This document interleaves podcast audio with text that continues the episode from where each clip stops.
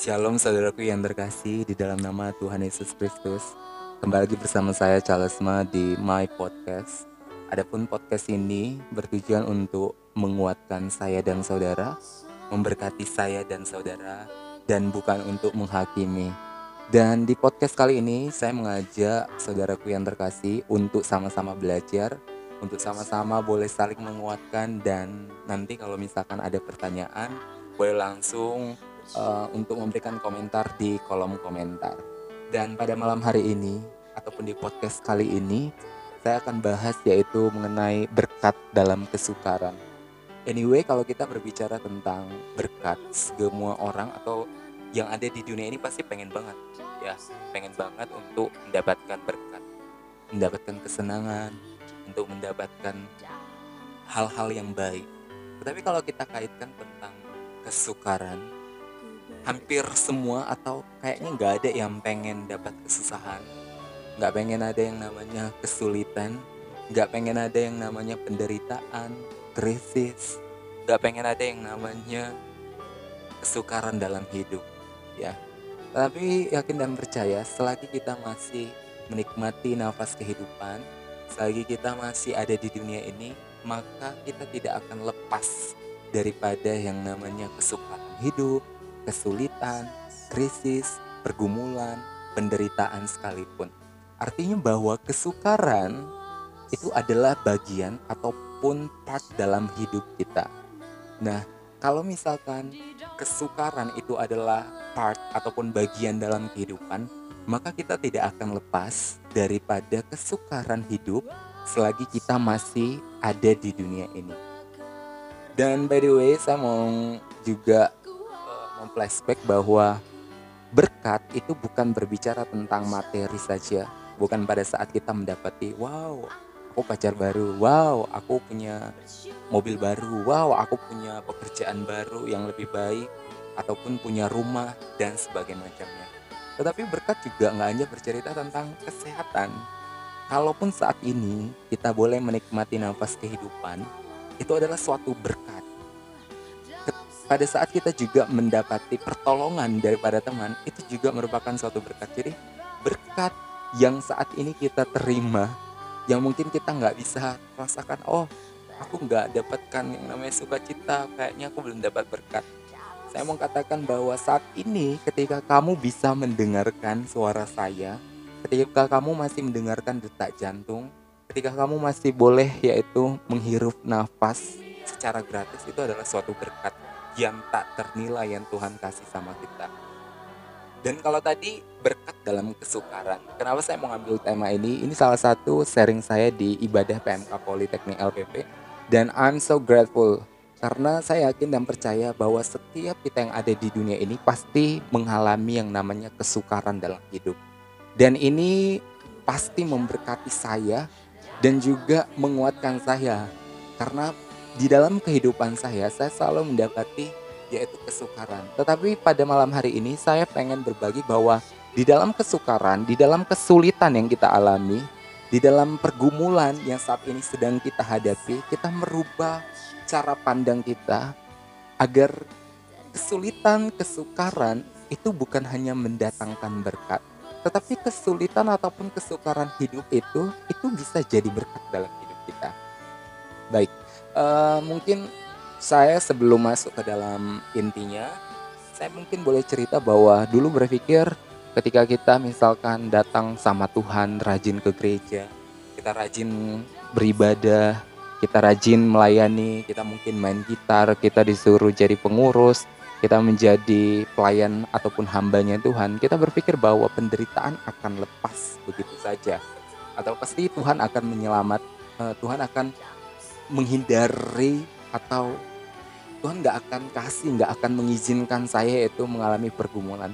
Tetapi pada kali ini saya mau kasih tahu, sekalipun kita rajin berdoa, sekalipun kita rajin beribadah, sekalipun kita yaitu sebagai hambanya Tuhan, sebagai pelayan Tuhan, sebagai pengurus, tetapi satu hal yang perlu kita percaya adalah bahwa itu tidak akan menghilangkan atau kita akan mendapatkan yaitu namanya pergumulan hidup. Dan ketika kita mendapati pergumulan hidup, Saya mau kasih tahu bahwa ternyata kamu sedang diuji dan Tuhan sayang sama kita. Jadi uh, mungkin kalau ada teori-teori yang mengatakan bahwa ketika kita melayani kamu akan uh, selamat atau tidak akan mendapat penderitaan. No, tokoh-tokoh Alkitab itu juga berbicara bahwa di dalam Alkitab mereka mendapati yaitu penderitaan. Sedangkan Tuhan juga merasakan kelaparan, Tuhan juga merasakannya itu dihianati, ya. Jadi eh, nggak uh, ada bedanya. Gitu. Tuhan udah terlebih dahulu, Yesus itu udah terlebih dahulu menjadi teladan bagi kita. Yesus itu udah terlebih dahulu merasakan apa yang lebih sulit yang kita rasakan.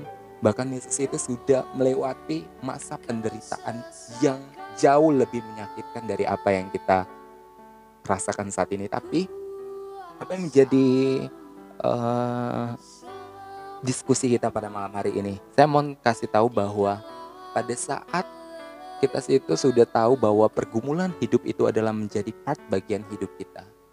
Kita yakin dan percaya selagi kita masih ada di dunia dan kita mendapati penderitaan itu yakin dan percaya kalau kita ada di dalam Kristus maka akan ada yang namanya damai sejahtera pada saat kita melewati pergumulan.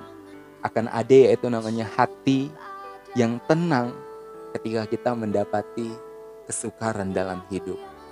Dan yakin dan percaya saudaraku yang terkasih bahwa hidup di dalam Kristus itu sangat menyenangkan. Ya, hidup di dalam Yesus itu sangat bermakna hidup di dalam Kristus, mengalami, mengenal itu adalah sesuatu hal yang paling istimewa. Dan ketika kita mendapati penderitaan dan ketika kita sudah kenal sama Tuhan, gak perlu khawatir. Kita gak perlu yang namanya, oh my goodness, kayaknya masa depanku hancur deh. Oh my goodness, kayaknya gue gak ada harapan lagi. Karena adanya Kristus, karena adanya karya salib Tuhan, maka segala sesuatu yang saat ini kita rasakan itu akan mendatangkan kebaikan dan tidak ada yang tak mungkin bagi Tuhan. Kalau misalnya kita bicara di dalam Yohanes, ya, kenapa sih tadi Mas Charles ataupun uh, Kak Charlesnya bilang kalau dalam Alkitab emang ada po oh, manusia pasti mengalami penderitaan. Ada. Ya di Yohanes 16 ayat 33 itu mengatakan bahwa kamu akan menderita tetapi yakin dan percaya walaupun mungkin saat ini kita mendapati penderitaan, kita memikul salibnya, ketika kita hidup di dalam Tuhan, penderitaan yang kita alami di dalam dunia, itu Tuhan akan memampukan kita. Sebab Tuhan itu adalah roh penolong, dia adalah sang penghibur bagi setiap manusia.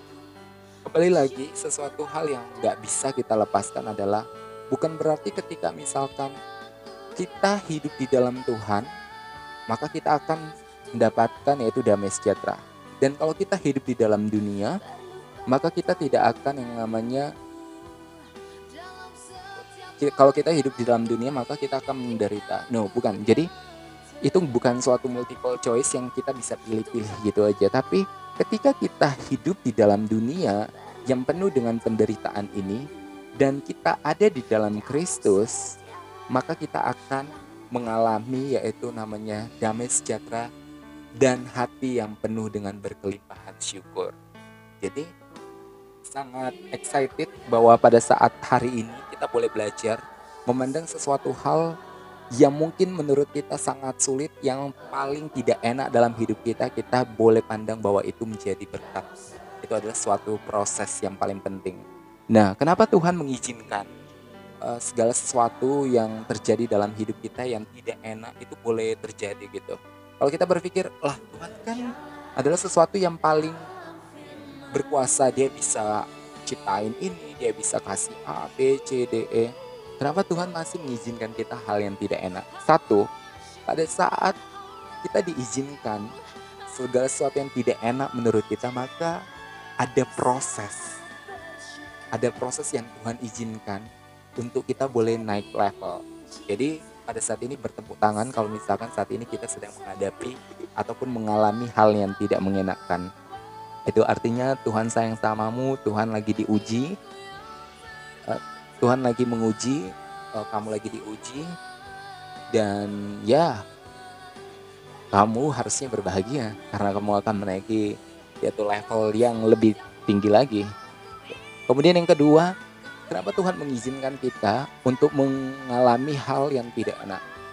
Satu hal yang perlu kita ketahui adalah ketika kita mengalami hal yang tidak enak pasti kita akan mengeluarkan air mata atau mungkin kita saat tidak enak kita akan sendiri nangis-nangis atau mungkin ada sesuatu hal yang kita kayaknya merasa waduh rapuh banget kita nggak ngerti lagi mau ngelakuin hal apa pun pada saat kita ada di bawah ataupun di titik yang paling terendah maka itu sebenarnya mengajarkan membuat kita untuk kita tuh datang sama Tuhan. Dan pada saat kita datang sama Tuhan kita akan semakin dekat lagi sama Tuhan. Anyway kalau misalkan saat ini kita berada dalam pergumulan artinya Tuhan mengajak, Tuhan membuat kita untuk kita boleh semakin dekat lagi sama Dia, gitu. Dan pada saat ini saya mau ngasih tahu ke rekan-rekan bahwa ayo mari kita sama-sama bertumbuh.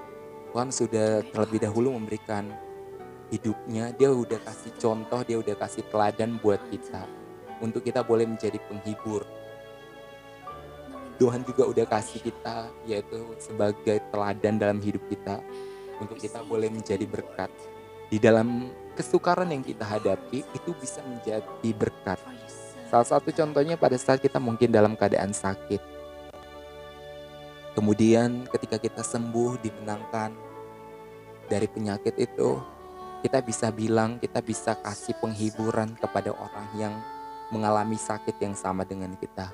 Ketika mungkin kita berada di titik ekonomi yang sangat terburuk, pada saat kita dimenangkan atau melewati daripada pada, daripada ekonomi itu maka kita bisa menjadi penghibur buat orang-orang yang mungkin saat ini mengalami krisis ekonomi. Saya yakin dan percaya COVID-19 ini juga ada sesuatu yang Tuhan rencanakan untuk setiap umatnya. Bersyukurlah dan tetap berdoa pada Tuhan agar kita dimampukan, agar kita boleh melewati masa-masa yang Tuhan izinkan yang Tuhan izinkan untuk kita boleh diuji dan kita boleh semakin dekat bersama Tuhan. Mungkin ini aja podcast kita pada malam hari ini. Berkat dalam kesukaran mengatakan bahwa di dalam kesukaran, di dalam kesulitan sekalipun, kuasa Tuhan sempurna untuk setiap pribadi kita. Di dalam pergumulan, di dalam penderitaan sekalipun, kuasa Tuhan selalu bekerja untuk setiap saya dan saudara. Terima kasih teman-temanku yang terkasih. Jangan lupa share jika uh, podcast ini bermanfaat untuk saudara sekalian. Terima kasih dan saya akhiri. Shalom.